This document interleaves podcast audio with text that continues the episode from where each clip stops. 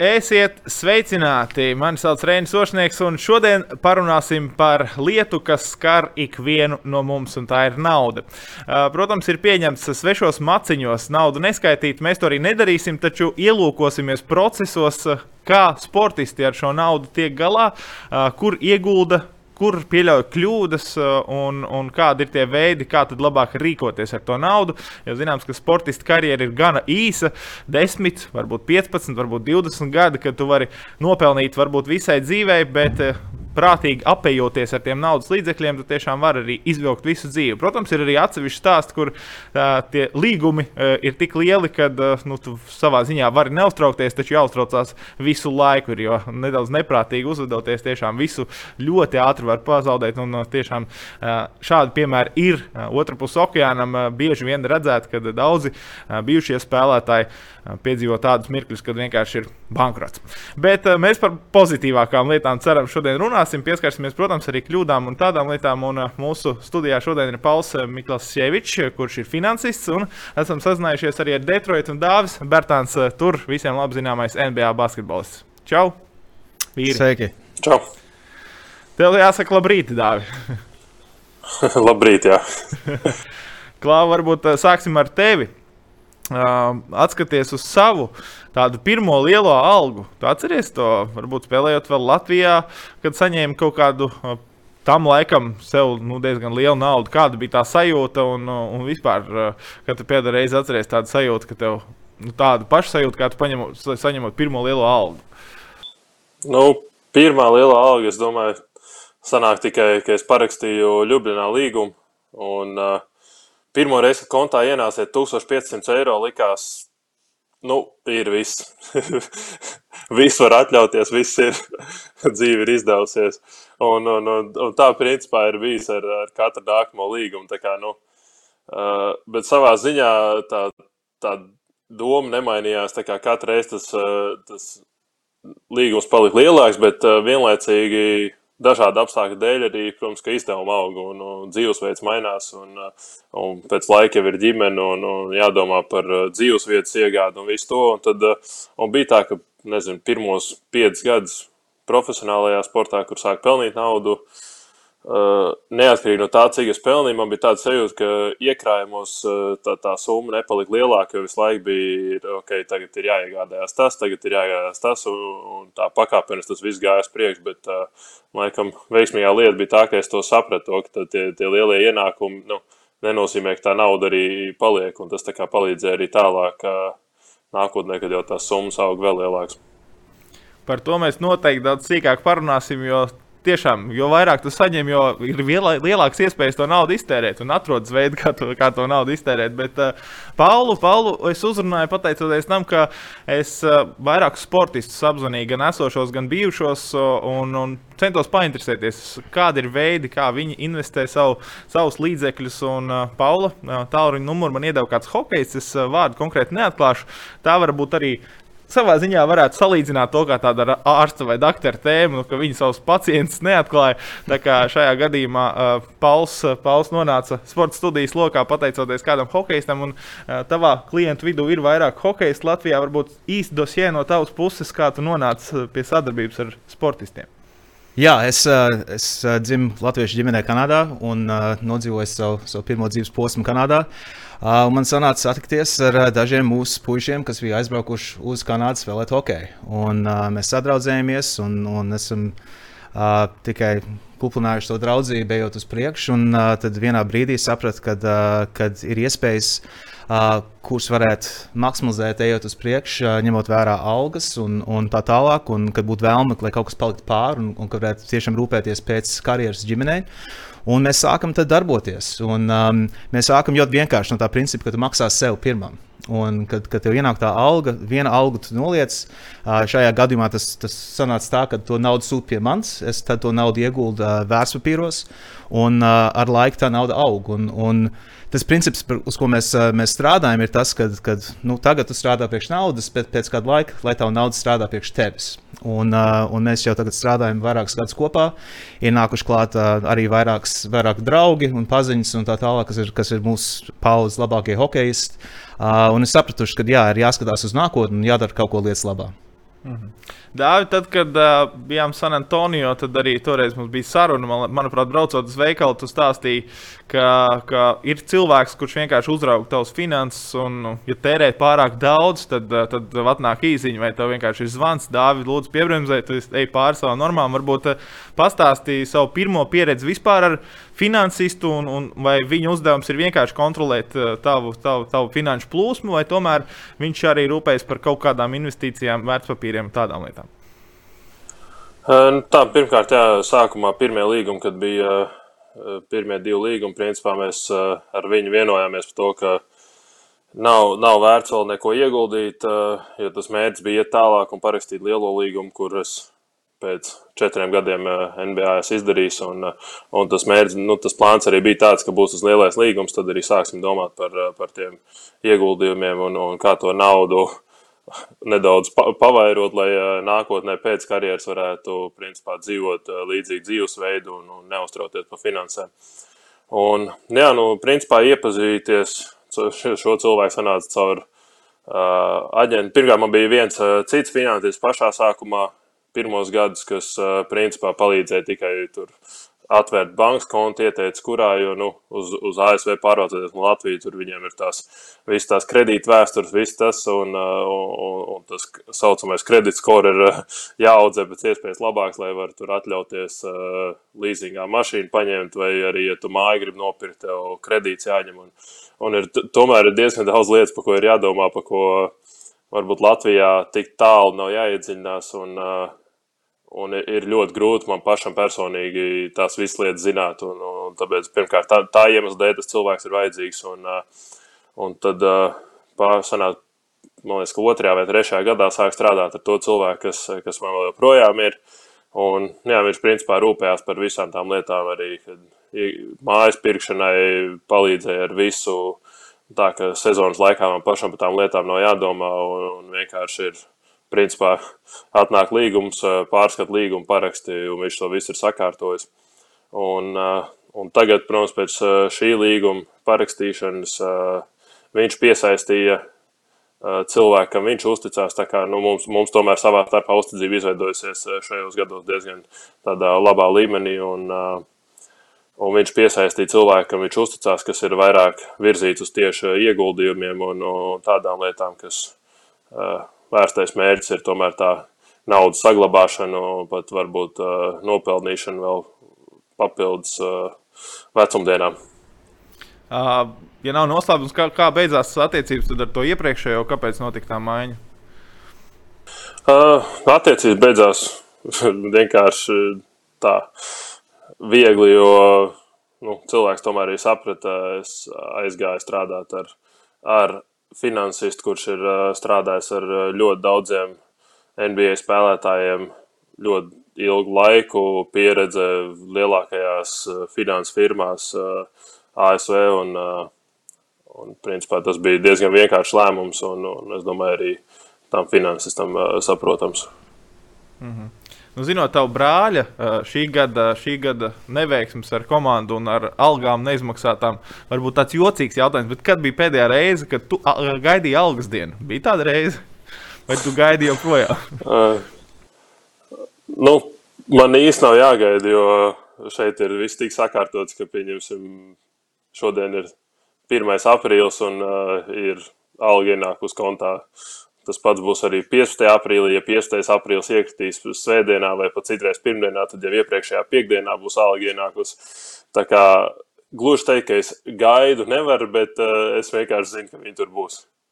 Bet pēdējo reizi, kad es gaidīju, noteikti bija Spānijā spēlējot, kad uh, aizkavējās kāds divus, trīs mēnešus. Tad, uh, tad, protams, ka tu gaidi, kad viņi beidzot būs.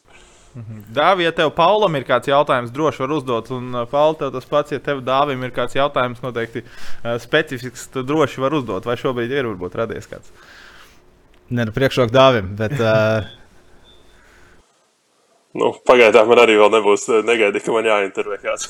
Nē, es, es domāju, ka, ka viena lieta, kas ir, eh, kas ir jāsaprot ne tikai sportistiem, bet, bet vispār jebkuram cilvēkam, ir tas, ka, kad, kad, kad saliek naudu kopā ar laiku, tie, tie, tie rezultāti var būt ļoti ietekmīgi.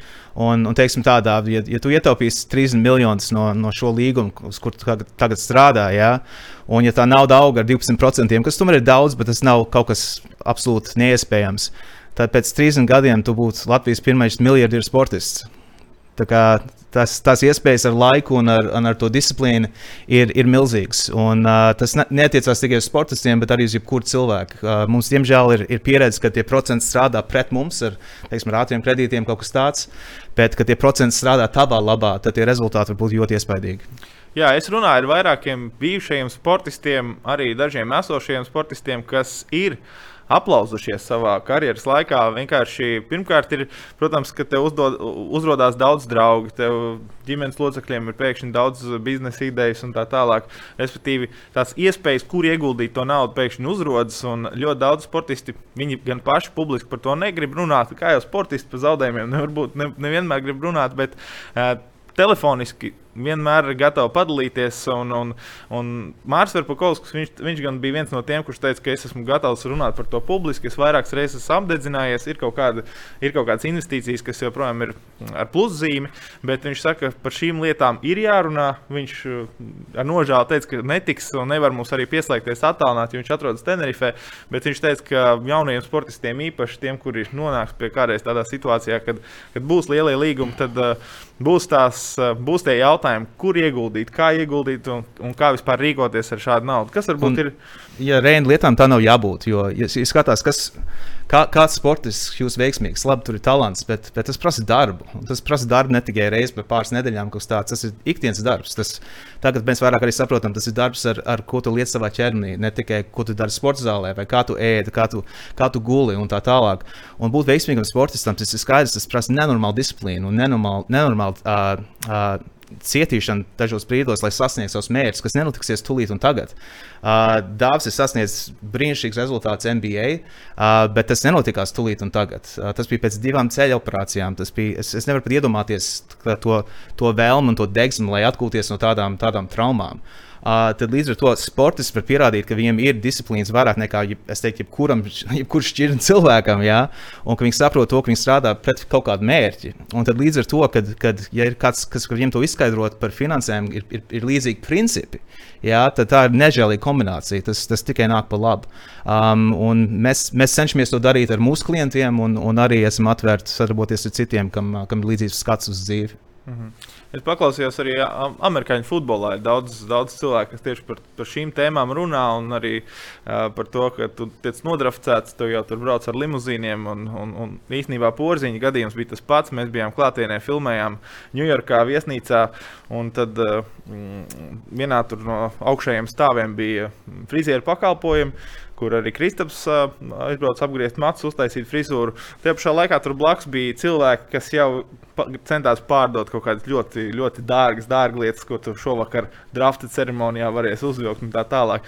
Respektīvi, tu vēl neesi to lielo līgumu nopelnījis, bet tev jau ir cilvēki, kas ir gatavi pārdot un tā tālāk. Bet tajā pašā laikā tā pati līga gan ar uh, amerikāņu futbolistiem, gan ar uh, NBA basketbolistiem vai koledžā, kad vēl mācās, tad uh, ir šādas te tie kursi, ja? Dāvā, varbūt tu pastāsti vairāk par to, to finanšu pratību, cik daudz, cik daudz tu pats esi uzklausies, cik daudz tu pats esi paņēmis reāli. Jo, cik es dzirdēju no vairākiem tieši amerikāņu futbolistiem, viņi teica, ka tu tur aizmiedz tajos kursos, jo tev liekas, viss tik boring un tā tālāk. Bet tajā pašā laikā, kad tu nopelni to lielo līgumu, tu, tu to visu aizmirsti un tev liekas, viss jūra līdz ceļiem. Uh, es domāju, ka tur, jā, principā bija. Uh...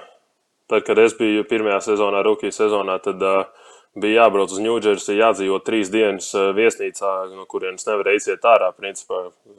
Tagad mēs tos par burbuļiem saucam, bet, eh, bet tad tas bija vienkārši tāds liels pasākums, kur eh, jā, tur ir sapulcs no astoņiem rītā līdz astoņiem vakarā, un, un par dažādām tēmām ir tur. Protams, viena no tām ir finanses, cits ir treniņa attieksmes un tā tālāk. Uh, cik liela iespēja, ka tu pēc diviem, trīs gadiem vairs neatrodies NBA. Un, un tās dažādākās tēmas, kas nu, es domāju, tiem, kam tas interesē, tie klausījās. Lielākā daļa noteikti domāja, nu, es jau tāpatās pelnīšu tik lielu naudu, ka man vienalga. Uh, nu, principā, godīgi teikšu, arī tās tajā sapulcēs ļoti daudz nepievērs uzmanību. Tomēr tajā brīdī jau bija nezinu, 24 gadi un, un profesionālā basketbolā jau savu 5, 6 jau aizvadīti, un, un tā pieredze jau bija nedaudz sakrājusies. Bet, jā, tās tēmas, ko par finansēm runāja, bija tiešām tik primitīvas. Tev tur nāk prasīt visu kaut ko, tur draugi iedod naudu, nopērts man šito, nopērts man to, bez mazliet veidi, kā viņiem pateikt pieklājīgi nē.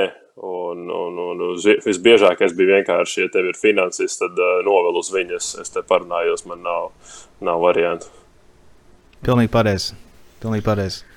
Tas ir Pāvils, ko tu arī iesaki. Ja?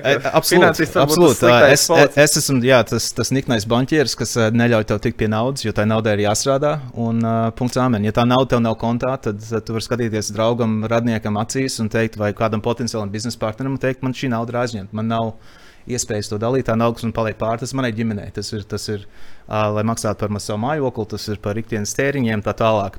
Un, uh, es, es mazliet atgriezīšos uz tēmu par amerikāņu futbolistiem. Es esmu par šīm lietām, par, par atlētiem ar naudu daudz lasījis un pētījis, un kā mēs varam labāk sniegt savus pakalpojumus ne tikai Latvijā, bet arī ārpus Latvijas. Un, uh, es mazliet pasmējos par tiem amerikāņu futbolistiem. Pirmkārt, viņiem tās karjeras ir ļoti īsas. Vidēji, vidēji ir kā divi pusgadi. Nu, viņiem tiešām nav tās iespējas daudz ko sakrāt, un pat ja viņiem ir disciplīnas, nu, kā ir kaut kāda trauma, tu vairs nespēlēsi. Punkts āmen. Um, bet kas viņiem skauž, tiem amerikāņu futbola spēlētājiem, ir, ka viņiem ir ķivers galvā. Un kad, kad citi atlēti ir ļoti atpazīstami, tu, tu, tu, tu, tu zini, kā izskatās basketbolists. Hokejistam arī nav pavisam nosakta seja pat tiem, bet tiem Amerikas, Amerikas futbolistiem ir nosakts sejas. Tad līdz ar to viņiem vēl vairāk, viņi vēl vairāk jutās, ka viņiem jārādās par to, ka viņi ir veiksmīgi un tā tālāk. Un tad tur aiziet tā nauda uz tām.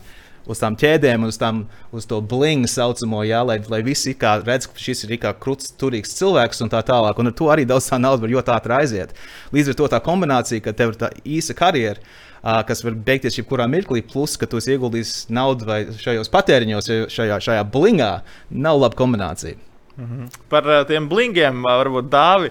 Uh, kas ir bijis tāds trakākais tavs, nu, kur tu tagad atskaties, nu, tāds jocīgākais pirkums, ko tu tagad domājot ar pieaugušu cilvēku acīm, no, nu, nē, es nekad tā vairāk otrais nedarītu, bet ir, ir kaut kas tāds traks, kā tu iztērē naudu.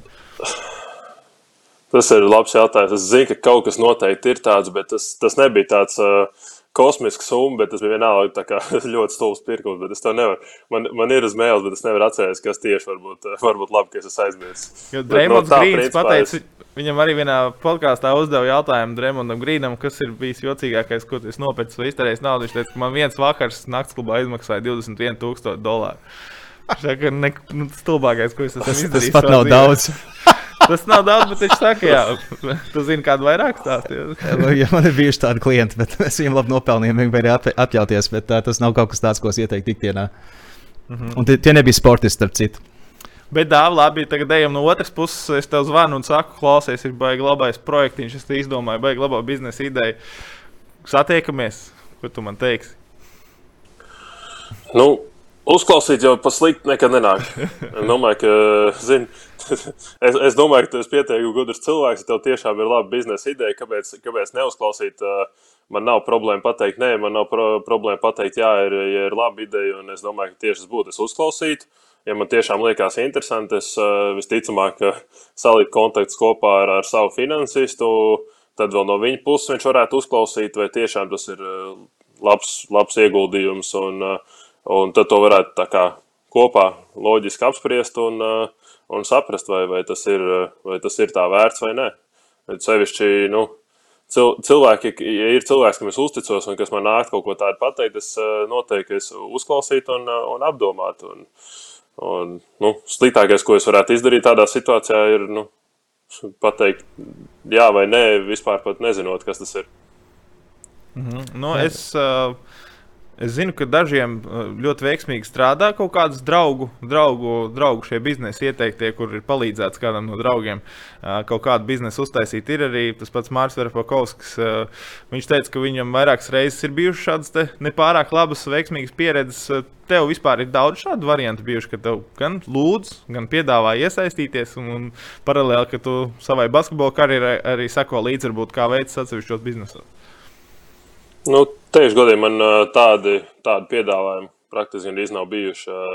Ja tomēr visi cilvēki, kas man ir tādā tuvākajā draugu lokā vai ģimenes lokā, ir, viņi, nu, ir bijuši tik ilgi man draugi, tad uh, viņi ļoti labi saprot uh, visu to situāciju. Un, uh, un tiešām, nu, varbūt, varbūt ka vienkārši nevienam nav bijusi tāda super ideja, ar ko varētu lielo, lielo naudu pelnīt. Un, uh, un mēģināt atrast investīcijas no kāda cilvēka, bet, bet šobrīd līdz, līdz šim nav bijis nekas tāds.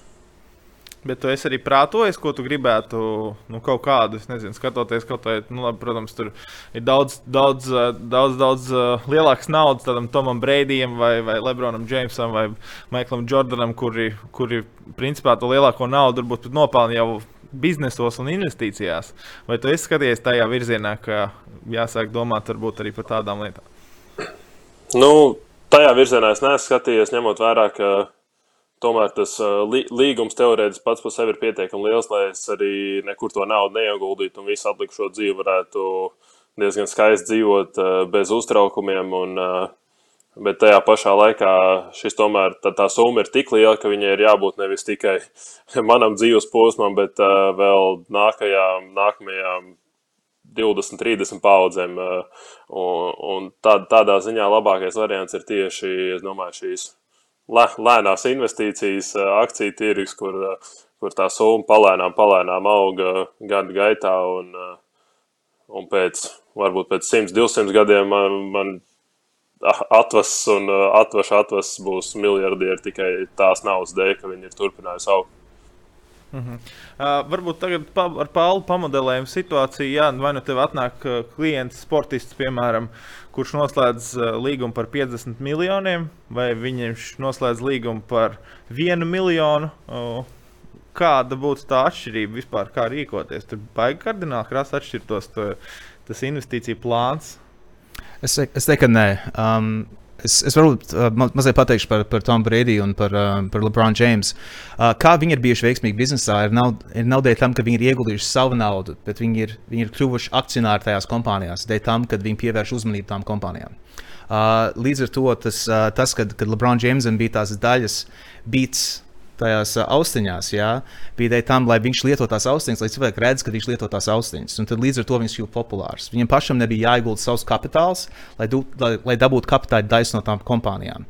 Un tad līdz ar to, jo vairāk tev ir, tev ir dalība, ka tev ir kapitāls šajās kompānijās, kas nav tavs tiešais kapitāls, jo veiksmīgāk ir tā formula. Jo viss, ko tu dari, vienkārši tu, tu vilkā to preci, ja? un, un tu kļūsi par īpašnieku no tās, no tās firmas vai no tā, tā, tā produkta. Tā, um, īpašnieku un tā tālāk.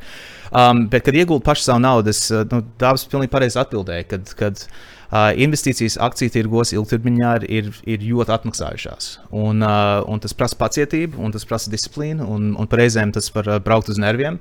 Uh, bet, kad tu iegūti publiskos tirgos, uh, Tur ir, tur ir noteikumi, tur ir jābūt atskaites ik pa ceturksni, tur ir jābūt uh, uh, firmas, kas revidē šos rezultātus tā tālāk. Tur, tur ir ļoti liels prasības, uh, un tās ļoti atšķirās no viena privāta biznesa.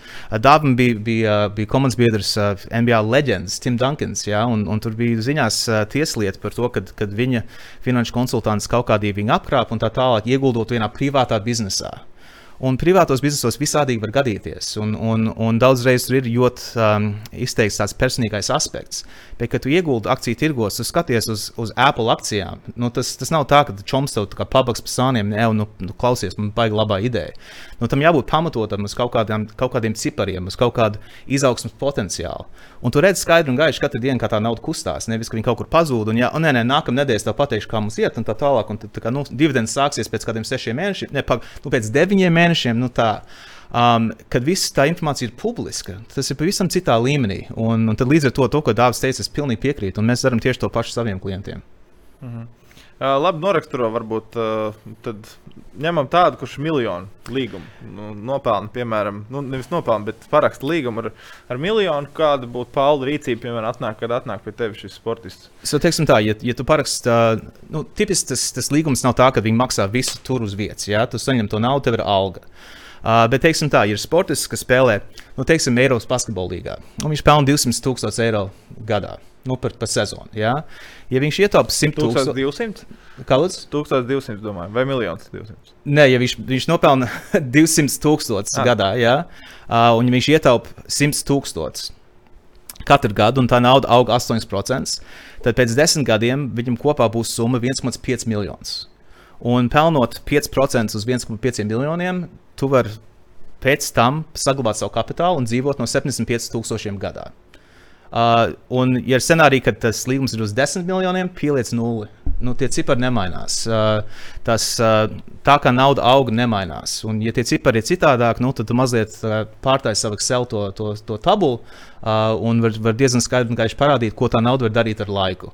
Un tur vienmēr ir varbūtības faktors. Nevienmēr viss sanāk tā, kā ir plānots. Uh, akcijām vidēji ienesīgums gadā ir kaut kādi 9%, bet ir retais gads, kad ir tieši 9%. Jā, tur ir tendence uz to, ka ir, ir vairāk, mazāk un tā tālāk. Bet viennozīmīgi tā strīpa iet no apakšējā zemā punkta uz augšējā labo punktu. Uh, jo tas, tas seko līdz pasaules izaugsmēji, uh, ekonomiskai izaugsmēji, izdomāja tehnoloģijai tā tālāk. Uh, un es neredzu uh, tādu variantu, ka tā formula kaut, kaut kad drīzumā beigsies. Uh, bet tas prasa pacietību, disciplīnu un laiku. Dāvi, varbūt uh, salīdzini. Varbūt Spānijā spēlējot, varbūt Serbijā. Uh, vai, nu, sadalīsim tā, Eiropa un Amerika. Varbūt pamēģināt atcerēties, cik daudz uh, ģērbtuvē vai spēlētāju vidū kāds runāja par investīcijām Eiropā, Amerikā. Tur atšķirās tas, vai tas viss, kas uh, ir ģērbtuvē vai, vai vakariņās komandas, tur neviens par tādām lietām beig nerunā. Nu, ir tāda lieta, ka arī šobrīd neviens par tādām lietām nerunā. Es domāju, ka katram ir, ir savs finanses, savu naudu, un, un, un tieši tas, tas princips, ka citam cilvēkam bakā neskatās. Un, uh, nu, varbūt, varbūt ir bijuši, varbūt ir būt tāda situācija, ka tiešām, ja, nu, es sāku ar kādu finansistu, kura, kuram klients ir kāds cits spēlētājs, tad es noteikti aprunātos to spēlētāju, nu, ja viņš man vēl komandas biedrs būtu tajā brīdī, tad kā, nu, noskaidrot, kāds viņš ir kā cilvēks un, un kā viņš darbojās, kā viņš strādā. Bet, uh, Bet tad, tas arī būtu viss. Un, uh, un Eiropā es, es pat nezinu, cik daudz cilvēku tās naudas kaut kur ieguldīja. Uh, es zinu to, ka es, kamēr es biju Spānijā, sākām nedaudz. Uh, Tā kā līgums bija pietiekami, pietiekami liels uh, Eiropas standartiem, un uh, sākām nedaudz, bet tajā brīdī, kad es aizgāju uz NBA, tad man tā, kā, tā nauda palika Eiropā. Viņa vēl kaut kādu laiku strādāja, un tad, principā, es visu pēc, pēc kāda laika, jo vieglāk ar tām nodokļu lietām ir, uh, ir ja viss ir Amerikas pusē šobrīd, un, uh, un tad sanāca viss tur taisīt ciet. Jā. Par uh, kļūdām, ko varbūt spēlētāji, ja mēs uz sportistiem, vai spēlētājiem skatāmies Latvijā, kas ir, kas ir tās biežāk, biežāk vai populārāk uh, pieļautās kļūdas tieši uh, darbībās ar naudu, vai kā tu apējies, vai kur tu nepareizi apējies. Nu, primārais ir, ja tu tērē vairāk nekā tu saņem, tad, tad tā ir kļūda. un trakākais ir tas, ka tu, tev ir tie saucamie tie, tie liabilities, nu, tie parādi, kas turpināsies, vai tās izmaksas, kas turpināsies pēc tam, kad tev beidzās tā naudas plūsma. Uh, līdz ar to, ja tu esi kaut ko iegādājies, kas tev prasīs mēneša maksājumu uh, katru mēnesi, un tev beigsies alga, nu, kur tu dabūsi to naudu? Tu būsi spiests likvidēt, um, vai būs vēl trakāk variants. Uh, es teikšu tā godīgi, Amerikā ir, ir tā, ka ir liela problēma ar to, ka daudziem sportistiem ir, ir bērni ar, ar vairākām sievietēm, un viņiem jāmaksā katru mēnesi šīs, šos elementus. Un uh, tad, kad beidzās karjera, nenozīmē, ka tie maksājumi kļūs mazāki. Ja, tas tā ir liela lieta, par ko daudz ne- nerunā, bet tā, tā ir būtiska lieta. Uh, šķiršanās arī maksā ļoti dārgi. Um, tur ir tur visādas tādas lietas, kas, kas, kas ne tikai griež finansiālā līmenī, bet arī, arī personīgā līmenī. Un tas pateic to vēl trakāk. Un tad, Tur nav tā, ka vienkārši tev, tev trūks naudas, vai tu spēj kaut ko pārdot, bet kad, kad tos parādos, un, un tev arī ir, ir beigušās attiecības, un, un, un tā, tā, tā situācija ir ļoti sarežģīta. Un es domāju, ka daudz cilvēku to nesaprot, ka tas nasis ir, ir, ir, ir milzīgs potenciāls. Un ka tā, tā, tā, tas, tā arēna, kur, kur, kur viss tev slavē un, un, un, un cildina un, un, un, un dod aplausu uz to, ka tu esi vientoši un, un parādā naudu, tas var būt, tas var būt ļoti traki psiholoģiski. Un uh, es to nevienam nenovēlu. Bet kāpēc tā ir, ka gan Amerikā tiek runāts par, gan par bankrotiem un tādām lietām, gan arī Latvijā, cik es parunāju ar tiem bijušajiem sportistiem? Jā, tur dzīvokļi Rumānijā, Bulgārijā tika pirkti, tāpat Latvijā nekustamie īpašumi. Tur kaut kāda finanšu investīcijas, kas nav. No, nu, finanšu investīcijas neviens beigas nenosauc. Tur vairāk minēja, ka problēma bija krīze, protams, 8. gada, uh, un, un, un kaut kāda varbūt neizdevušies. Uh, draugu vai paziņu šie biznesi. Vai šī, Bet... šī ir laba, labākā reklama to, ko, tam, ko es daru, ir tas, ka ļoti reti dzird šos bēdīgos stāstus par cilvēkiem, kas ir prātīgi ieguldījuši finanšu tirgos. Uh, kad ir problēmas ar tiem dzīvokļiem, uh, jo tas, tas tirgus arī nav pavisam caurspīdīgs potenciāli. Ar, ar privātiem biznesiem, pr protams, nav caurspīdīgs. Tātad līdz ar to tur ir ļoti daudz veiksmu stāstu. Tur ir daudz tā, kas rīkojas, nu, izklausās, ka dāvāts rīkojas ļoti prātīgi. Um, un ir daudz, kas tā arī rīkojās. Bet, bet mums patīk to, tā, to sensilu, tas nu, runāt par tiem, par tiem gadījumiem, kad kaut kas nesanāk, vai ne? Kad, kad šeit ir bijusi viena zvaigzne, kas ir kritusi. Jā. Un, uh, diemžēl mums cilvēkam ir tā tendence, kāds spērt, kad viņš jau atrodas uz zemes. Un, un, un jo tālāk viņš ir kritis, jo labāk. Un, uh, tas ir kaut kas, kas ir nu, bēdīgs mūsu raksturā, kā, kā cilvēki, bet uh, no kuriem mums viennozīmīgi jāturās vispirms skaties uz sevi un saviem lēmumiem, pirms tu mēģini kādu, kādu citu aprunāt. Un, un sportistiem ir tās iespējas, ir žēl, ja viņi kaut ko neizdara, lai, lai, lai, lai maksimizētu tās iespējas pēc tam, bet, bet tā ir dzīve, var visādīgi gadīties. Bet es nevienam nenovēlu kristu šādā ziņā. Es vienkārši vairāk domāju, tādā, nu, lai kāds, kāds, kas vēl gaida savu lielo līgumu, nu, tieši, tieši nepieļautu tās kļūdas, ko ir pieļāvuši daudzi. Jā, es, es teiktu tā, ka, kad, ja tev ir. Um, ja tev ir labs paražs, ja tu, ja tu esi cilvēks, kas, kas saprot, ka disciplīna ir svarīga tavā karjerā un savā nu, sportiskā attīst, attīstībā, tad tu vari jau sākt, nu, kā, kā Dārzs arī minēja, viņš jau sāk kaut ko taupīt ar tiem līgumiem, kas bija Spānijā. Tas ir pilnīgi pareizi. Un, uh, un kāpēc sportistiem šīs, uh, šī runa par naudas lietām ir, ir traka? Jo normālam cilvēkam, kas ir strādājis visu savu karjeru, kas ir sapratis, kā, kas ir nauda viņa dzīvē, kādu lomu tā spēlē, cik viņš ir strādājis, lai to nopelnītu, un tā tālāk, cik tā nauda var ātri aiziet. Viņš ir būvējis pamazam pieredzi uz tiem 30, 40 gadiem. Uh, un ar to ir mācījies kļūdīties no tālāk, pat tās summas ir bijis mazākas. Viņš vienmēr zināja, ka, kā, nu, ja viņš turpinās attīstīt savu karjeru, būs lielāks algas un, un tā tālāk. Ar sportistiem tā kā you got one shot, you got, viena iespēja tavā tajā posmā, dažiem ilgāk, dažiem mazāk. Un, ja tu, ja tu nerīkojies prātīgi, tad, tad tu vari palaist garām iespējas un arī iet, iet bedrē. Mhm. Ir kaut kādi stāsti, kur, kur, kur kāds tev zināms, varbūt sportists, kurš varbūt ne ar ļoti lielu uh, līgumu, bet ir, ir ļoti veiksmīgi m, tieši ieguldot finansiāli, ieguvis arī pēc karjeras un dzīvo ļoti veiksmīgi. Uh, no, no latviešu sportistiem vai, vai vispār? Vispār. Nē, ja ir latvieši, tad, protams, to uzvārdu neminot, bet ir, ir tāda. Jā, tur, tur, ir, um, tur ir vairāk tādu, kas, kas varbūt nospēlēja kaut kādas 4, 5 gadus karjeru. Uh, viņi atvēra kaut kādu McDonald's franšīzi, tad atvēra otro, trešo. Tas ir koncepts, tas, tie koncepti ir līdzīgi. Tas, ja tev ir franšīze vai tu iegūti naudu kapitāla tirgos, tas, ka tu, tavs kapitāls strādā priekš tevis un ar laiku tā, tā nauda aug. Uh, un tad viņi aug uz to vēl lielāko summu. Uh, tur, tur ir daudz atlētu, kas ir ļoti prātīgi rīkojušies. Bet, bet kā, nu, neviens negrib kādam atlētam vienkārši teikt, nu, labais čalīt, tā kā tu, tu prātīgi rīkojies, un, un tu tagad mierīgi dzīvo, un, un, un tev viss ir kārtībā. Jā, tas kā, cilvēki neraksta baigi daudz rakstu par to ziņās, bet ir tādi, ir daudz tādu. Un, un es ceru, ka kad, kad vairāk un vairāk stāstīs par tādiem cilvēkiem, kas reāli prātīgi rīkojās, nu, varbūt bija kļūdas, varbūt nē, varēja, protams, kaut ko labāk darīt.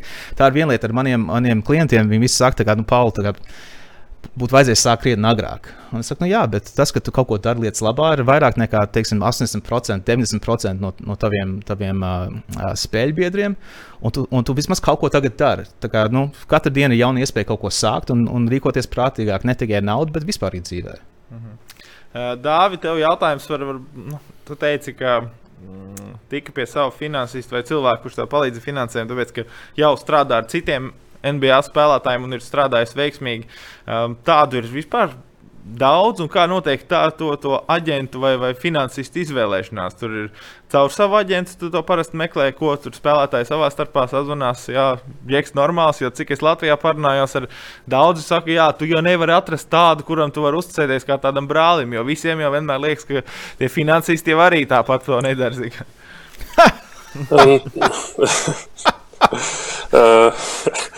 Te, te principā ir tā, ka man liekas, tieši ar, ar visiem tiem pagātnes stāstiem, kā bija Pauls teica par Dunkanu, un, un noteikti ir bijuši vēl daudz dažādi Uh, nu, spēlētāja asociācija tomēr uh, arī ar laiku aug, paliek spēcīgāka. Un, uh, un tagad tomēr ir uh, visiem finansistiem, kas strādā ar, ar spēlētājiem, ir jābūt uh, attiecīgām licencēm. Viņiem ir jābūt, uh, nu, viņas, principā, viņas izmeklē no A līdz Z. Un, un, un ja viņiem ir bijušas kaut kādas problēmas pagātnē, kur, kur viņi ir kaut kādas netik labas lietas sastrādājuši, tad, tad tas visiem spēlētājiem ir, kā, ir principā, publiska informācija pieejama. Ar spēlētāju asociācijai uzprasīt, vai jūs varat kā, pārbaudīt šito vai šito finansistu, vai viss ir kārtībā, un, un viņi to ir izdarījis. Un, un tad, principā, ir ļoti grūti nošaut greizi tādā situācijā, sevišķi, ja, ja kādam finansistam jau ir tur 10, 5 vai 20 spēlētāji Un uh, viņš neriskēs ar vienu mani kaut ko izpildīt tādu, ka, ka, ka bez mazliet apzags mani. Un uh, tādā veidā viņš visticamāk pazaudēs arī kāds 20 cits klients un, un savu ienākumu avotu. Mm -hmm. nu, Latvijā to to spēlētāju salīdzinoši uz Latvijas valsts. Vispār šeit Latvijā cilvēki mazāk, un noteikti finansisti ir mazāk uz šādiem spēlētājiem. Bet tā bija viena lieta, kas, ko vairāk teica, jā, ka nu, grūti jau atrast to cilvēku, kuram tu uzticēsi tagad pilnībā savus līdzekļus. Nu, jā, ja viņš nāktu apmēram un atbildētu kopā ar mani par to, kur ieguldīt, un, ja būs zaudējumi, tad manis, ok, sastrādāsimies. Varbūt noraksturo no savas puses to situāciju, kāda ir spēlētāja, vai viņi uzreiz uzticās, vai tomēr ir tādi nu, atturīgi. Man, man ir prieks iepazīties. Nākat pretī, prasat jautājumus. Um, jā, protams, tu, tu uztic savu, savu ģimenes nākotni vienam cilvēkam. Un, uh, un tu gribi, lai tas cilvēks ir kompetents, tu gribi, lai tas cilvēks kaut ko saprot par tavu dzīvi. Uh, viņš kaut ko saprot par tavu pieredzi, par, par taviem sapņiem, par tavām ambicijām. Um, un, Un tu gribi, bet, bet galvenais ir, lai cilvēks ir kompetents un ir kaut kāda pieredze un, un pierādīt, ko viņš ir darījis vai viņa ir darījusi. Um, kāda ir saprāšana par tirgiem, uh, kāds ir skats uz nākotni. Uh, tur ir daudz finanšu uh, pārvaldītāju, kas, kas cīnās ar vakardienas, ar, ar pēdējo karu. Viņi neskatās uz nākotni, bet viņi to dara dēļ tam, ka, kā, nu, ja vai parādīt, kā bija, kā bija pagātnē, vismaz ir kaut kāda drošības sajūta, vai tas ir adekvāti uz nākotnes, nu, diez vai, bet tas, tas nav svarīgi. Galvenais ir dabūt to klientu, nomierināt, ka viss ir kārtībā un, uh, un, un aiziet. Um, mēs aktīvi strādājam, mēs, mēs izpētām, mums ir burvīga komanda, mēs izpētām nākotnes iespējas. Uh, Vēl viens piemērs par Dāvidu. Ja? Tās lietas, kas notiekās pašlaik uh, uh, medicīnas tehnoloģijā, biotehnoloģijā, nu, kas palīdzēja izārstēt ceļus, kas, kā, kas tagad atlētā tagad atkūstās no, no tādām traumām, kas, kas bija vienkārši čau iepriekš. Nu, tev tas ir, ir, ir lausts, sorry, nu, karjera beigusies. Un tas, kas notiekās tajā nozarē, un sportists pašs saprot, ka tās lietas ir, ir ģeniāls. Un, un kas, ir, kas, kas pateicis man darbu interesanti, ir izpētīt šīs tehnoloģijas un kā viņās investēt akcijas tirgos. Un ne tikai priekš atlētiem, bet priekš visiem saviem klientiem. Tās nākotnes iespējas ir, ir milzīgas. Un, un, tas nav, un tas nav tikai kaut kas, kas ir veltīts sportistiem, bet jebkuram cilvēkam, kad, kad, kad, ja tu ieguldi, ja tev ir labs konsultants, ja, ja tev ir kāds, kas, kas, kam ir līdzīgs skats uz dzīvi un, un, tam, un pastāstīt par tām iespējām, uh, tad, tad tu būsi kaut ko ieguvis. Un, uh, un tad tas prasa vienkārši laiku. Mhm. Uh, Okay, tagad uh, ejam atpakaļ pie tā scenārija, ka es esmu piemēram sportists, kurš nāk pie tevis sadarboties. Kādus variantus tu man piedāvāsi, kur, to, kur, kur, kur tos finanšu līdzekļus ieguldīt? Kādi ir tie varianti? Jā, so mēs. Uh, mūsu ieguldījumi ir, ir balstīti uz, uz uh, finanšu instrumentiem, uz, uz vērtspapīriem, uh, akcijas, akcijas fondi, obligācijas, obligāciju fondi. Um, mēs izvērtējam tavu pieredzi vispār ar vērtspapīriem. Ja nav pieredzes, tad mēs sākam lēnāk, vairāk konservatīvi, un kad tā pieaudz, uh, pieredze aug ar laiku, tad mēs varam būt uh, nedaudz agresīvāki tajā lietā. Um, kamēr tu pelni līgums, uh, teiksim, tādā dāvā gadījumā viņam ir līgums tagad uz 4, 5 gadiem, jā, uh, būs līgums pēc tam. Uh, Tev nav jābūt maksimāli piesardzīgam ar to naudu. Tā nauda var augt, viņi var, viņi var tur stiepties, rīkoties tā tālāk un, un spēlēt uz kaut ko, kas ir vairāk balstīts uz izaugsmu. Uh, bet ir skaidrs, ka karjera iet uz beigām, un kad, kad drīz nebūs tie, tie lielie līgumi, kad, kad ir noder būt vairāk konstruktīvam, lai tad varētu sākt vienkārši skatīties uz to scenāriju, kad tu dzīvo no savu kapitālu. So, ja kāds man, man saka, ka Paulis parakstīja līgumu, šeit 5 miljonus vietas, ko mēs darām, Uh, ja tas līgums ir uz sešiem gadiem, es saku, mēs vienkārši mēs ieguldam akcijās. Mēs ieguldam tajās kompānijās ar, ar, ar lielu izredzi uz nākotni, un mēs atļauties būt, būt um, uh, pacietīgi un, un skatāmies uz iespējām. Jo pieci gadi tas ir ilgs laiks, un, un mēs jau saprotam, šis pēdējais gads ir bijis diezgan ilgs.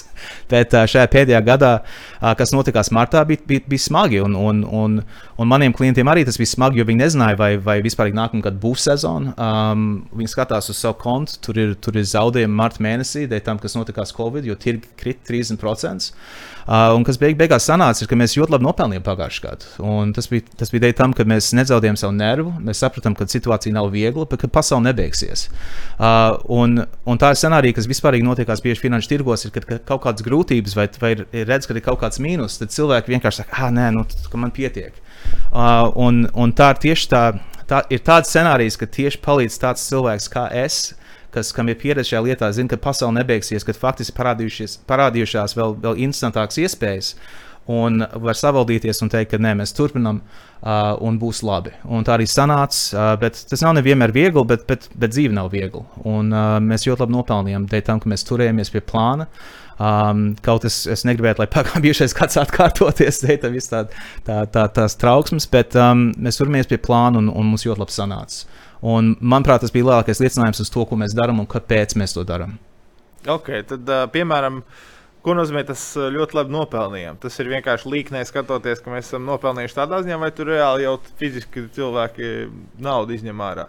Nē, nē mēs, nu, tur nav tā nauda, kas ir ieguldīta uz ilgtermiņu. Nav tāda nauda, kas staigā iekšā un ārā no kontiem. Okay, mēs, mēs ieguldām vērtspapīros, un tā nauda aug uz sevis. Uh -huh. uh, un tas, ka mēs, mēs pagājušajā gadā, nu, priekš mūsu klientiem, manā, manā bankā, mēs vidēji nopelnījām pēc izmaksām 18% pagājušajā gadā, uh, kas, kas skaitās labi. Un, un, Uh, nav tā, ka katru gadu ir tie 18%, bet uh, mēs bijām priecīgi ar rezultātiem. Dažiem bija vairāk, protams, dažiem mazāk.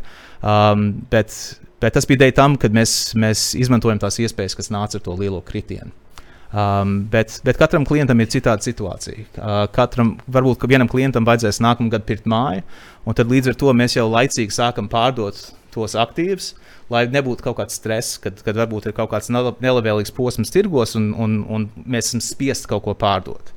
Uh, tad līdz ar to katram klientam mēs saprotam to dzīves, cenšamies saprast to dzīves situāciju, kāda ir, ir, ir, kādas ir topošās izmaksas, uh, kādas, uh, kādas ir iespējas. Varbūt tiešām viņš vēlās ieguldīt kādā citā biznesā. Uh, tad mēs, mēs gatavojamies jau laicīgi priekš, priekš tādām lietām. Uh -huh. uh, komunikācija ar to pašu sportistu noteikti tā, ka reizi mēnesī, divreiz mēnešos Vai, vai mēs, mēs katru dienu, varbūt, ja iet līknes uz augšu, sūti. Un... Zini, kas ir, ir, ir tas, ka, uh, kad, kad tu sportists, tev, tev ir viss tavs laiks aizņemts ar to, ka tu spēlē, un tu ceļo un tā tālāk. Bet tev ir tāds brīdis, kad tu viens pats hoteļs hoteļa numurā tā tālāk, un tu skaties, varbūt savu atskaitu, un tev ir kādi jautājumi, vai tu kaut ko izlasi, kas ir interesants avīzē. Uh, un, un man uzraksta, Elu, Paul, ko tu domā par, par šādu, šādu kompāniju vai šādu nozaru. Un man patīk tās komunikācijas, ir interesantas, jo man klienti, manuprāt, ir, ir, ir ļoti gudri cilvēki. Un, uh, un es zinu, ka, uh, ja, ja viņi varētu 100% veltīt savu laiku uz, uz, uz akciju tirgu izpēti vai finanšu tirgu izpēti, man, man nav mazās šaubas, ka, ka viņiem ir laiks ļoti labi iet. Uh, bet pašlaik viņiem ir cits prioritātes, viņiem ir sports. Pirmā prioritāte vienmēr maniem klientiem vismaz ir ģimene. Uh, un tad līdz ar to viņi saprot, ka viņiem ir cilvēks, kam viņi uzticās, kam ir pieredze šajā lietā, no kuriem no kura viņi arī var mācīties, ja viņiem ir tā vēlme. Uh, bet citu laiku viņi vienkārši uh, ir apmierināti ar to, ka reizē mēnesī sūtām atskaiti, redzam, kā iet. Uh, iet labi, tad viņi priecājās. Sportistiem arī patīk labi rezultāti. Jā, tā kā viss vis skatās uz savu statistiku, tā kā es kā, akt, kā aktīvs pārvaldnieks, viņi arī skatās uz manu statistiku. Uh, Um, un tad līdz ar to, ja ir kādi jautājumi, mēs to atbildam. Un, un mums nav ko slēpt. Mēs gribam, lai, lai, lai ir saprāšana, kad, kad var prasīt jautājumus, ka tie ir svarīgi, uh, bet kad, kad citu laiku var, var atpūsties un, un uzticēties. Un, un tas ir, to vajag nopelnīt. Tas nenāk, tas nenāk tūlīt un tagad. -hmm. Dāvi, tev jautājums. Bieži vien sportisti savā starpā sacenšas nezinu, basketbolā konkrēti ir metieni no centra un bieži vien uz naudu savā starpā komandas biedru uzspēlē. Tu bieži spēlē šādas money things. Uh, sen mums no tādas bijušas pēdējā reizē, man liekas, tā, ka kopš es NBA es uh, īsti nē. Uh, ja es domāju, ka arī ja sākt spēlēt tās summas, ir tik kosmisks, ka ne īsti tur rūkīgi negribētu iesaistīties. Vai, uh, un, un es arī noteikti nejustos tik komfortabli, bet kamēr mēs bijām Spānijā, mums bija principā kā uh, nu, pirms spēles rituāls no rīta pēc metiena treniņa. Katrs ieliek 50 eiro un, un uzvarētājs paņem visu. Mhm. Cik ir bijusi lielākā summa, ko tu minēji? Nu, tad jārēķina, cik spēlētāji komandā. Ja? Vai tomēr tās summas ir bijušas Nu, lielākas? Jā, bet uh, viss vis neiesaistās vienmēr. Es domāju, ka, liekas, ka lielākais, ko es vinēju, bija kaut 350 eiro. Un, nu, kā tu vienreiz vinēji 350 eiro, tad tu arī, uh, sanāk, ja septiņi spēlētāji ir iekšā, tad tu piecas reizes vari zaudēt, un tas plusos. Uh, par to Tā kā risks mazs beigās. runa par to, ka jā, Ir sevišķi tev. sportistiem patīk riskēt un piedalīties sacensībās. Uh, Es zinu, ka ir, ir atsevišķas sportistu kompānijas, kas iet vakariņās pēd, un, un rēķins ir gana liels, bet pēc tam uh, kredītkartes tiek iemestas vienā saprītē. Vainīgais ir oficiāls, kuram ir jāizvelk viena, un tad laimīgais maksā jā, par visām vakariņām. kopā. Tas tā ir, un tas Vis- nav tikai sportistiem. vislabākais. Vislabākais ir tas, ka nevis viņš izvelk vienu, bet viņš izvelk visus, un pēdējais paliek maksātājs. Jā, Lai ir vēl tāda, tāda killer instinkts, jā. Jā. man bija, man bija, man bija tāda, tāda trauksme, tāda, tāda, tāda nervu, nervu gāja bojā, kad, kad mēs spēlējām tieši tādu pašu spēli, kad es strādāju kā viens, kā viens vasaras students vienā, vienā investīciju bankā Kanādā. Un, uh, un kad viss bija pie bāra, tas rēķins bija, bija iespaidīgs. Un plus mums tajā birojā, augšējā stāvā, kur mēs visi gājām pēc darba, un, un tajā vakarā bija liels tusiņš, bija viens no dārgākajiem restorāniem vispār Toronto, Kanādā. Un, uh, un tas, ka tu ielicis savu kartu kā vasaras students, tu saproti, ka, ka, ka cerams, ka nebūs tas variants, kur tev jāmaksā. Un, un, un tad arī cer, ka, ka lūdzu kāds ap, apšēlosies par mani, ja tā arī sanāk. Bet, bet beig, beigās nebija un, un, un viss kārtībā. Bet, jā, tā, tā, nav, tā nav patīkama spēle. Tev ir vēl varbūt kādas tādas interesantas šāda tipa spēlītas, kurās uh, zaudētājs maksā un gan daudz maksā. Nu, Tāds, tas laikam, eh, principā vakariņas arī bijuši vienies. Nu, to arī sanāca, ja San Antonio spēlēja. Nu, pēc Covid laikam mums vairs nav tādas iespējas uh, aiziet vakariņās, bet, uh, bet tajā laikā, kad vēl bija diezgan regulāri to darījām, bet nu, vien, vienmēr parūpējāmies par to, ka nu, arī ja nonāca tam, ka Rūkīs bija pēdējais, kuram izvilka, nu, tur rēķins bija tāds sakrājies, tur jo, jo bija reizes, ka bija vakariņās arī 12 spēlētāji, tur iedomāties, kā, kā tādā labā steakhousā tur sakrājās eh, rēķins. Un, eh, nu, vienmēr, protams, kad tika līdz pēdējiem novilkts, ka tam eh, jaunajam jāmaksā, un tad tajā pēdējā brīdī kāds no komandas veterāniem ar lieliem līgumiem pasaka, nu, nē, nē, neuztraucies, nebūs.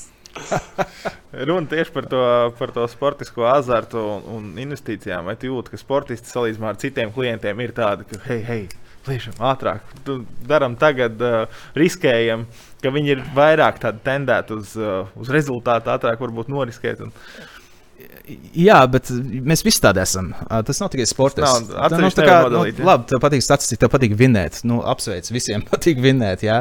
Sportistiem vairāk varbūt ir- tā, tieši tā pieredze ar to uzvaru un, un tā tālāk. Um, bet mans, mans viedoklis ir sekojošs. Ja tu, ja tu gribi azartu, tad, tad paņem nu, 5 stūkus un aizies uz kasino un paspēlējies, un lai tev ir jautri un, un iedzer kokteļus. Un saproti, ka tā kā, tas izgājis no sistēmas, un tagad uh, tā kā, pievēršam uzmanību uz īsto darbu. Um, un, jā, tur ir, tur ir gadījumi, kad, kad, uh, kad mums ir ļoti labi rezultāti vienā mēnesī, un, un tiešām iespaidīgi. Un kad tā nauda arī, kas atkal, ka tā nauda krājas ar laiku, ka tev ir labs mēnesis, kā tu skaties uz to, un, un, un, un tas mēnesis ir, ir vienkārši saprot, ka kā es varētu nopirkt tā kā super labu mašīnu ar šo mēnešu rezultātu. Bet tas nav tas plāns. Tas plāns ir, lai tā nauda turpina augt. Um, un jā, tā kā maniem, man, maniem klientiem patīk tie rezultāti, viņiem patīk vinēt, viņiem ir arī ieteikumi. Um, reizēm tie ir labi ieteikumi, un esmu klausījis, izpētījis, un, un esmu vienojušies pirkt. Uh, Citreiz es vienkārši saku, es pietiekami daudz par šo nezinu. Uh, un līdz ar to es to uzskatu par azartu. Un, uh, un, manuprāt, ja tu gribi to darīt, tad varbūt nu, tad mēs varam to, to iegādāties. Bet tas nav mans ieteikums. Un, uh, un pārsvarā mums, uh, laikam, nekad nav bijis tāds gadījums, ka kāds teica, nē, nē, es tomēr gribu pirkt un, un viss. Uh, bet tas, ka mēs varam izrunāt, kāpēc, kāpēc šī ir laba ideja, kāpēc varbūt šī nav laba ideja, varbūt kāpēc šis nav tas īstais laiks, tas ir svarīgi. Un tas arī, tas arī būvē tās attiecības. Un tas rāda arī, kad, kad, kad man klienti pievērš uzmanību šīm lietām un, un spēj arī novērtēt mūsu rezultātus ne tikai par tiem cipariem, bet, bet no kuriem tie cipari radās. No, no, kas ir tās idejas, kas ir tās domas, kas, kas ir veidojušas šos ciparus beig beigās. Dāvi, nomodelē situāciju, varbūt šobrīd kāda ir, kāda ir Amerikā, ko tu redzi apkārt. Es zinu, ka ir tās jaunās NBA virtuālās kartītes, kas tagad ir uzņēmušas Jā. jaunas apgriezienus. Cik daudz tu par to zini, cik daudz ir kāds varbūt no līgas vadības, kāds varbūt par to informējis. Tajā pašā laikā visi bitkoini un, un, un tās lietas, kur ir iespējas jebkuram investēt. Kā tu uz to visu raugies? Uh, tiem, pat to top shot, pat tur, kur viņi pērtos, nezinu, es pat nezinu, kāpēc video klips kāds pērk.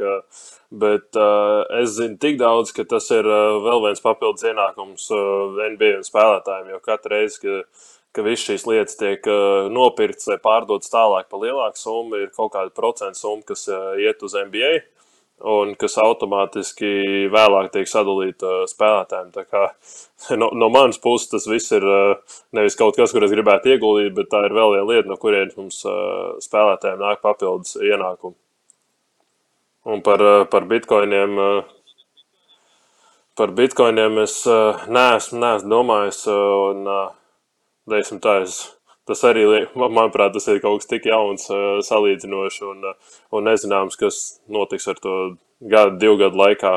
Un, un, un varbūt tas ir viens no veidiem, kā var ātri nopelnīt lielu naudu, bet uh, es tomēr, to, tomēr man, tas, man, man nav vajadzīgs ātri nopelnīt lielu naudu. Tomēr labāk ir, ir šis lēnais, konservatīvais veids, un, un es pat varu pateikties no savas puses. Uh, labi, pa, Paulam, protams, ieteikumi bija spēlētājiem, kamēr viņi uh, pelna naudu, var ieguldīt vairāk. Tas, protams, ir arī, ka noteikti viņam ir uzticība izveidojusies ilgāk gadu laikā. Es tomēr ar, ar šo cilvēku, kas iegulda to naudu, tikko sāk strādāt burtiski četrus mēnešus atpakaļ. Un, un viņš, protams, teica, ka vajag tur tik un tādas summas ieguldīt, un tad pēc 60, 70 gadu vecumā tur jau būs arī tuvu miljardam un, un vēl nezinu kādas summas. Un, uh, Un ka, kam bija tieši labs tajā situācijā, arī tas cilvēks, ar kuru es strādāju, jau biju ilgu laiku. Viņš saka, nē, nē, nē, labāk prātīgi. Pirmajā gadā es varu godīgi pateikt, šobrīd ieguldījumos iet mazāk kā 10% no, no manis, maniem ienākumiem no MBA līguma. Un, un pirmo gadu viņš teica, apskatīsimies, kā ies. Ja iet labi, tad tu vari paņemt, varbūt uh, divreiz vairāk sāk likt iekšā nekā pirms tam. Tad, ja iet atkal labi, tad atkal divreiz vairāk, un, un tā pakāpeniski varbūt to summu var, var pielikt klāt. Mm -hmm. Ši, ši, šis bija tas, uh, tas, tas finanšu konsultants, nevis tas pārvaldnieks, vai ne?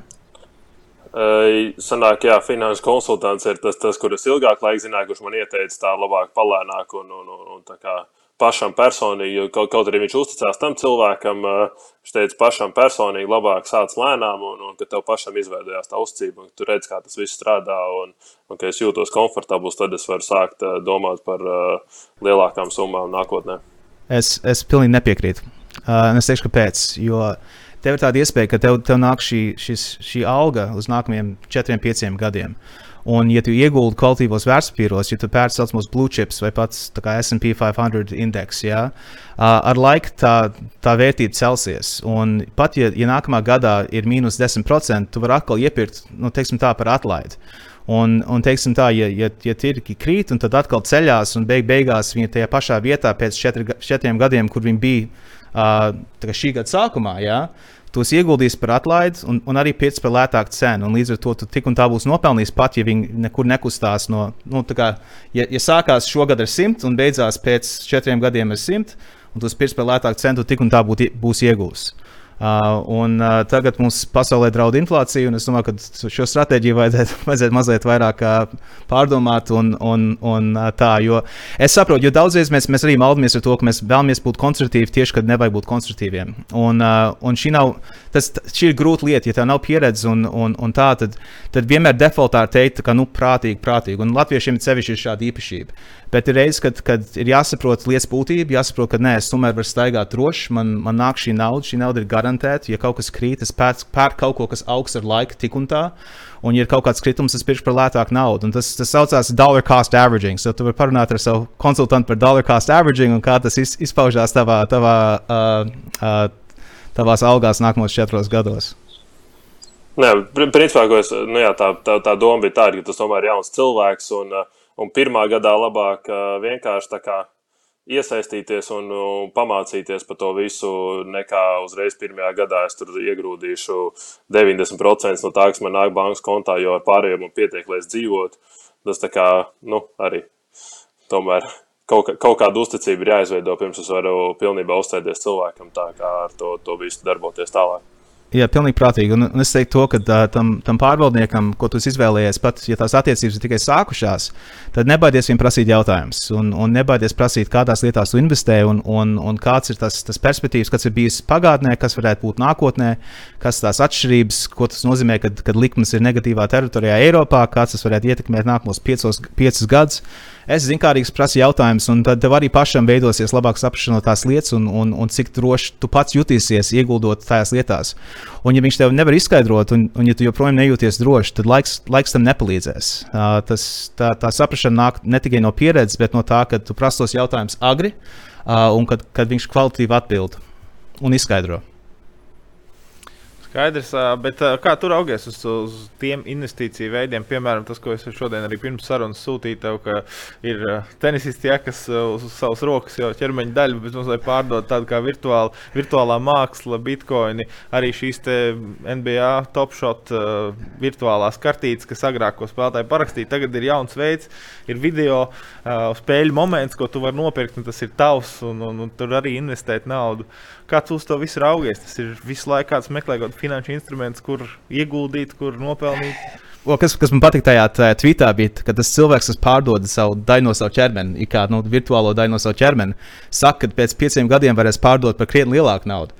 Un es arī atbildēju, es teicu, nu, ja tev ir tāds, ja, ja, ja tev tāds uzskats, ka tavs ķermenis būs vēl vērtīgāks pēc pieciem gadiem, kāpēc tagad viņu pārdot? Un, uh, un vispār šī ir ļoti, ļoti būtiska tēma, jo, jo tur. Uh, daudz, es ceru, ka daudz kas pazīst, kas ir Varens Buffets. Un, uh, un viņa sieva faktiski ir Latvija.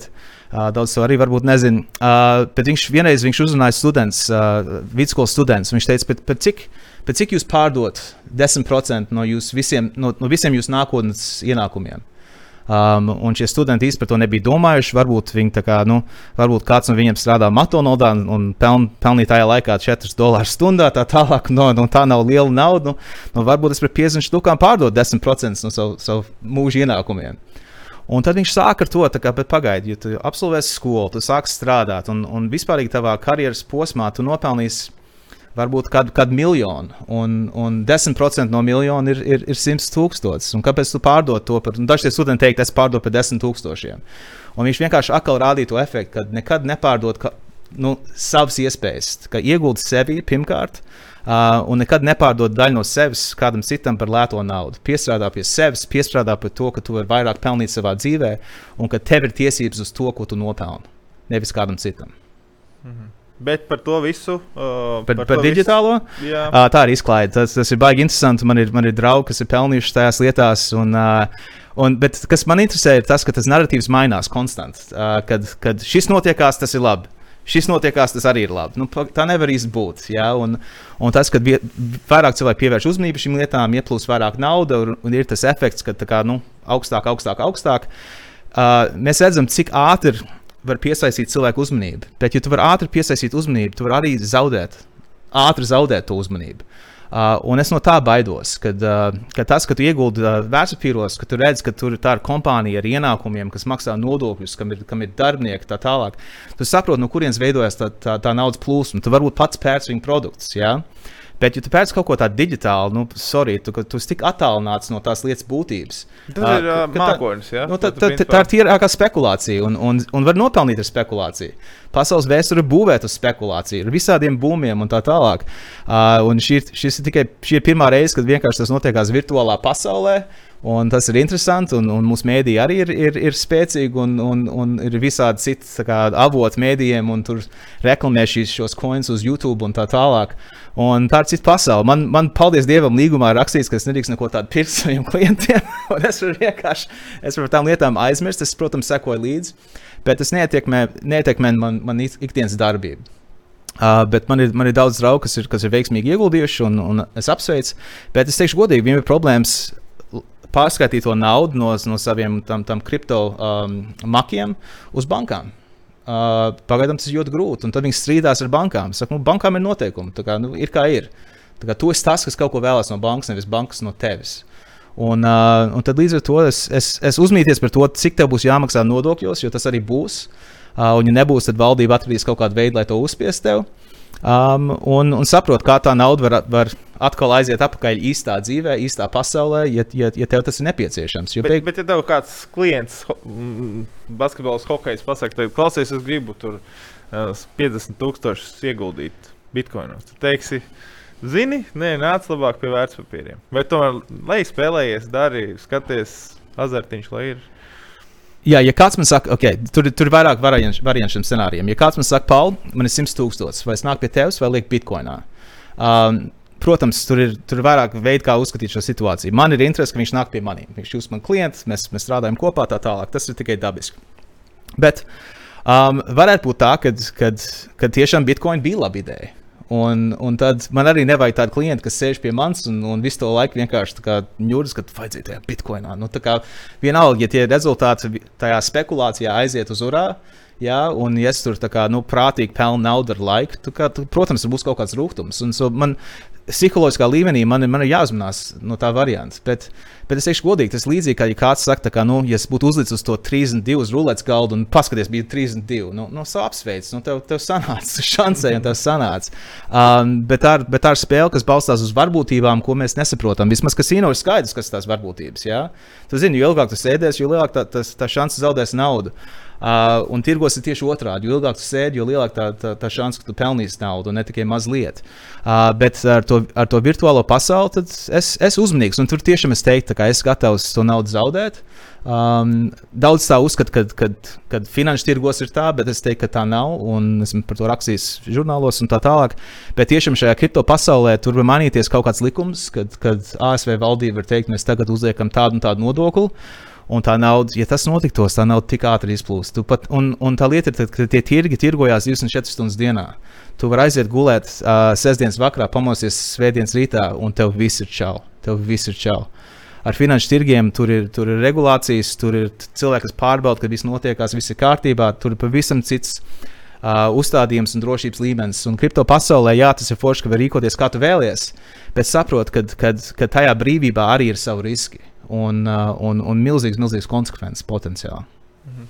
Dāvi, tev jautājums, uh, varbūt atskatoties uz uh, iepriekšējiem gadiem, ko es uh, telefonu sarunās esmu tā, tā, tā noskaidrojis no sportistiem vai bijušiem sportistiem. Saka, jā, būtu ko es sev pateiktu pirms, tiem, pirms, pirms kaut kāda laika, ar šodienas skatījumu, noteikti būtu kaut kādas lietas darīt citādāk. Tev ir kaut kas tieši par finansēm, par, par to, kā tu tērēsi naudu, vai kā tu varbūt gribēji kaut ko ieguldīt, vai māju uzbūvēt. Um, tev ir, ir kaut kas tāds, ko tu tagad ar šodienas skatījumu pateikt Dāvim Bērtānam pirms desmit gadiem, piemēram.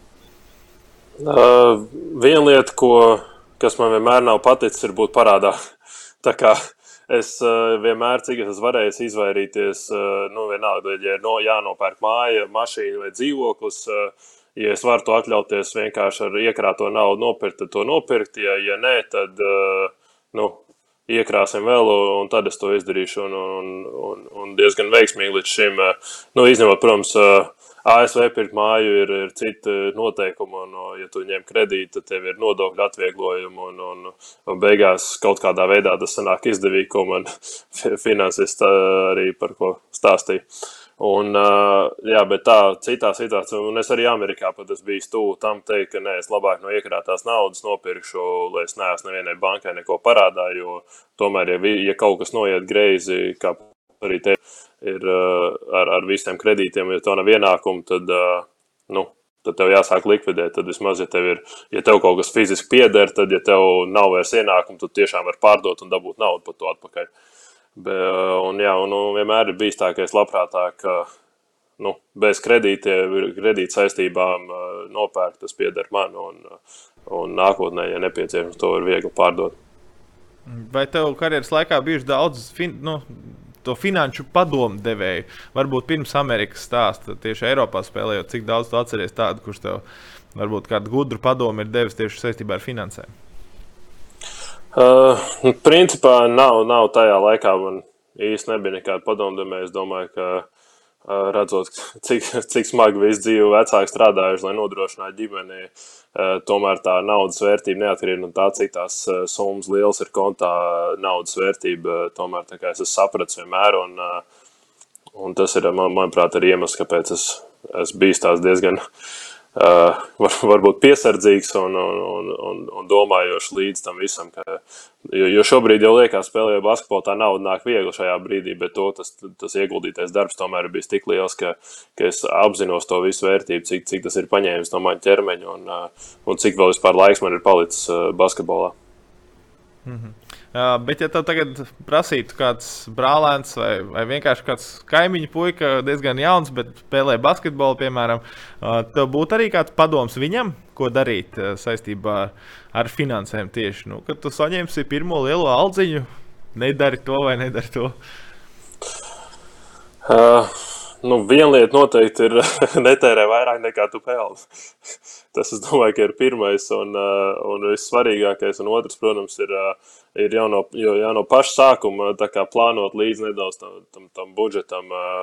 Tu zini, cik, tā kā aptuveni vismaz galvā izreikināt, cik tev mēnesī, vai pierakstīt uz lapiņas, cik tev mēnesī aizies kaut kādām konkrētām lietām, kuras tu, kuras tu nevari ne, nemaksāt. Vai tā ir dzīvokļi, ir, vai, vai cik tev pārtikai aizies nauda.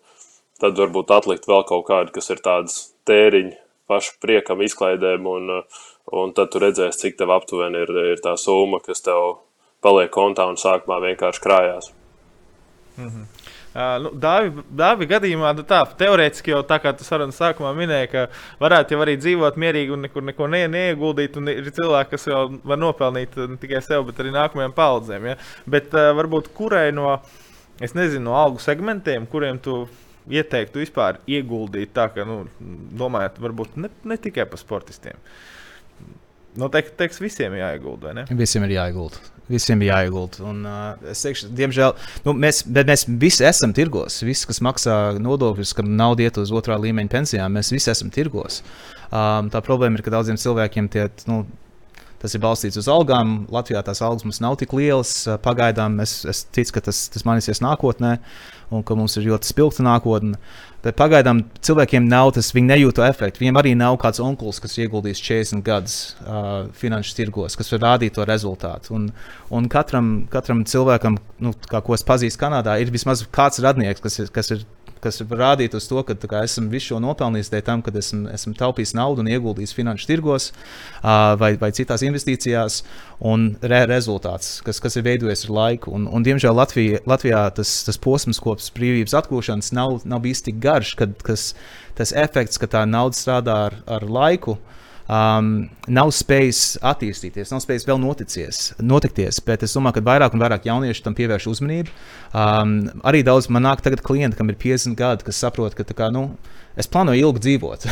es, es, es, es jūtos labi, es, es esmu veselīgs cilvēks, man ir mazbērni. Es netaisos nekad tuvākā laikā nolikt karot. Man ir laiks, un man ir nauda, palva, mēs varam kaut ko darīt. Un es saku, jā, un, un tad mēs izveidojam plānu, kas ir balstīts uz viņu dzīves apstākļiem, Uh, un uz potenciālu risku līmeni. Um, bet es, es tiešām mudinu es visiem jauniešiem runāt par to. Es faktiski esmu lietojis dāvi kā, kā, um, kā piemēru, kad es, kad es mācu jauniešiem par finansēm, par labām izvēlēm. Uh, jo tur, tur uh, kad sāk veidot to, to, to iedzināto statistiku par MBA, jā, par, par effective uh, vai true shooting percentage. Jā, kad rāda, kad, kad nav tikai ko tu met no divpunktniekiem, bet tur jāizskaita to koeficientu par trīspunktniekiem un, un, un arī par, uh, par uh, metieniem no strīpas. Un var, var redzēt skaidri tajā bildē, kad, kad tur ir cilvēki, kas met varbūt kā, nu, pusmetru pirms tai trīs punktu līnijai. Un, uh, un daudz tās bumbas nekrīt pirmkārt, ja? un, un otrkārt tas ir tikai par diviem punktiem.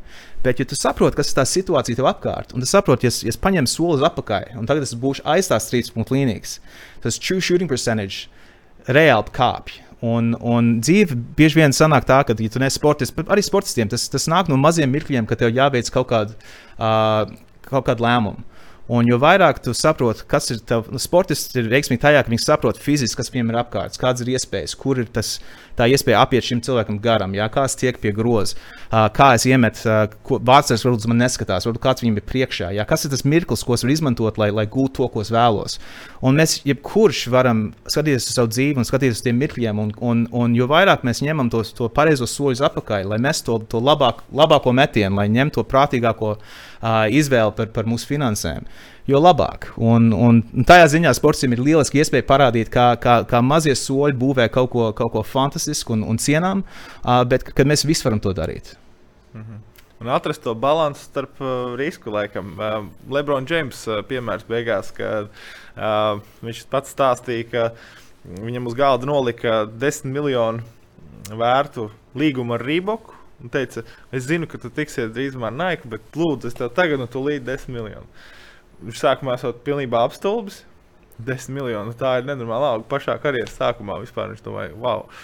Bet uh, tad viņš kaut kāda iekšējā balss pateica, ka pagaidām, stop. Man taču es labprāt uzklausītu, ko Adidas un ko Nike man piedāvā, un varbūt nestrept karstu un neņemt tos 10 miljonus uzreiz. Uh, Tā, kā, tā ir viena no lietām, kas mēģināt saglabāt arī vēsturē prātā. Jā, es, es teiktu, ka nekad nesteidzies. Ja, ja kāds ir tāds piemērs, var, ko viņš saka, nu, viņš, nu, viņš, viņš runā, es, es, es vairāk runāju par to teoriju, par, par, par ieguldījumiem un tā tālāk, bet, bet es teiktu, tā, ka jā, dāvs ir pozīcijā, ka viņam neko nav jāsteidzās.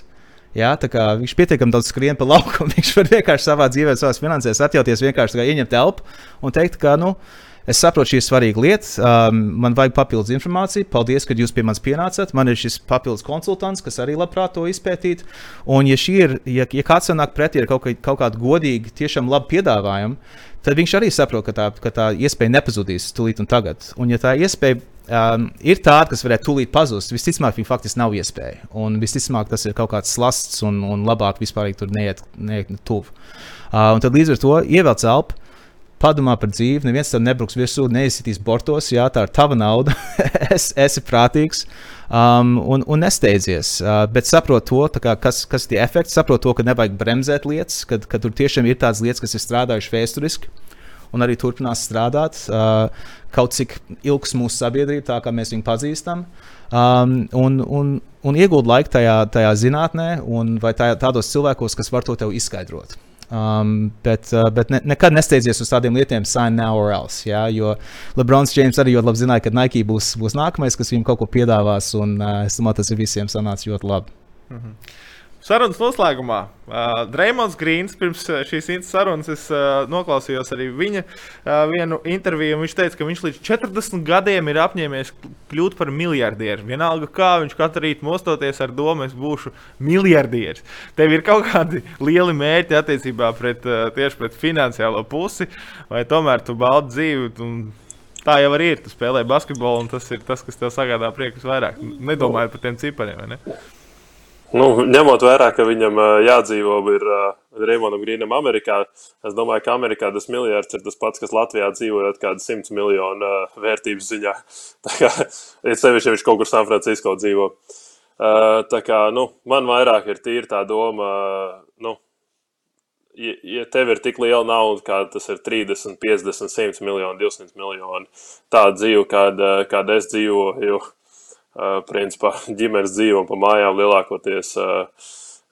Tā, tā nauda man ir par daudz naudas, jebkurā gadījumā, vai tie ir 30 miljoni, vai 100 miljoni, vai 200.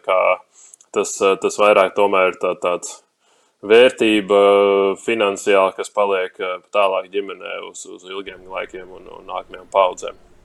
Un, un es teiktu, ka, ka tā vērtība nav tikai ar finanšu lietām, bet ar, ar tām ģimenes vērtībām. Kad, kad ir ģimene, ka mēs saprotam, kas ir darbs, no kurienes tā nauda ir nākusi.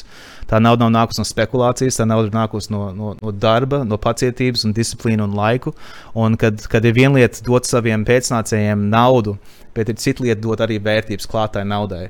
Un, ja tu to naudas nopelnīsi, sekojot savām vērtībām, tad tas ir vēl svarīgāk. Mhm. Nu jā, es nesen mēs kaut kad ar draugiem runājām, kā tas būtu, ja tagad pēkšņi, pēkšņi laimētu, nezinu, 10 miljonus loterijā. Tur noliek, un tad mēs tā modelējām situāciju, nu, ko tur kur, ko, nu, kurš gribētu, ja tur mašīnu vai ceļojumu. Vai, un, tad, un tad tā saprot, ka bet taču forši būtu arī draugiem. Nu, tagad, pa, kā pārsteigumu, piemēram, katram nolikt pa, nezinu, pa 40 tūkstošiem, 50 tūkstošiem kā pārsteigumu. Un pēc tam atkal domā, kā būtu, Nu, tagad paiet tas laiks, visi beigas priecīgi, paiet gads, un tad zvanu vienkārši, nu, atbraukšu šašliku, uzcepsim. Un tad es sāku domāt, to otru pusi, kādies būtu tagad, jā, vai viņš man varētu atteikt. Tikai tāpēc, ka es viņam esmu 50 tūkstoši, varbūt uzdāvinājis labu gribētu, bet beigās tā nauda bieži vien sabojā attiecības? Tā kā vienmēr ie, atrast to mīļo, mierīgo balansu, lai, lai tā nauda nav kā traucēklis, kas arī dzen, bieži vien ir mm, tieši attiecību sabojāšanas iemesls. Jā, ja tavs, ja tavs attiecības bija balstītas uz to, kad, kā, kad, kad jūs tur kopā spēlējat uh, pagalmā un tā tālāk, nu, tā kā, kāda attiecība ar naudu. Bet es, es teiktu, ka kas, kas būtu vēl, vēl iespaidīgāk, ir, ja tu vienkārši to naudu ieguldītu priekš tiem draugiem, un pēc 20 gadiem teikt, nu, tā kā starp citu. un, un visu to laiku tu vari Pārsteigums. tu, tas ir, es domāju, tas ir perfekts pārsteigums. Iedomājieties, jūs kaut ko darīsiet, kas tev liekas, jūs labi jūtas, kā kaut ko darīsiet ap draugu labā. Kamēr tas tam draugam viss kārtībā, viss kārtībā, jums ir normāls attiecības un tā tālāk. Un pēc 20 gadiem jūs joprojām esat, esat draugi, un tad kaut ko šādu šād kārtu spēlēt tajā brīdī, nu, tas, manuprāt, kaut kas, kaut kas baiglabājas. Uh, Es varu pieminēt par to, ka nu, tie, tie draugi, kas man ir un kas ir bijuši ilgu laiku, es domāju, ka varētu likt kaut ko ķīlā uz to, ka vismaz 95% no viņiem pateiktu, tu, to savu naudu bāzi atpakaļ, no kurienes tu viņu izņēmi. Man viņa nevajag. Nu, ja, tieši tā, jo cilvēciskās attiecības ir daudz vērtīgākas nekā tā nauda. Ar to arī mēs beigsim. Paldies, eh, Dāvi! Paldies, Paul, kā atnācāt. Un es domāju, ka šī saruna, cerēsim, liek aizdomāties daudziem, kuri vēl tikai gatavojas nopelnīt savu lielo līgumu. Eh, Daudziem, kuri vienkārši ir eh, tādi paši mirstīgie kā mēs, kas nepelna milzīgas līgumus. Mēs visi esam mirstīgi. Protams, jā. Bet tajā pašā laikā vienkārši jā, aizdomāties par to, ka jebkurš no mums var ieguldīt un, um, un nelikt visas tās olas vienā groziņā. Domājiet par finansēm. Paldies!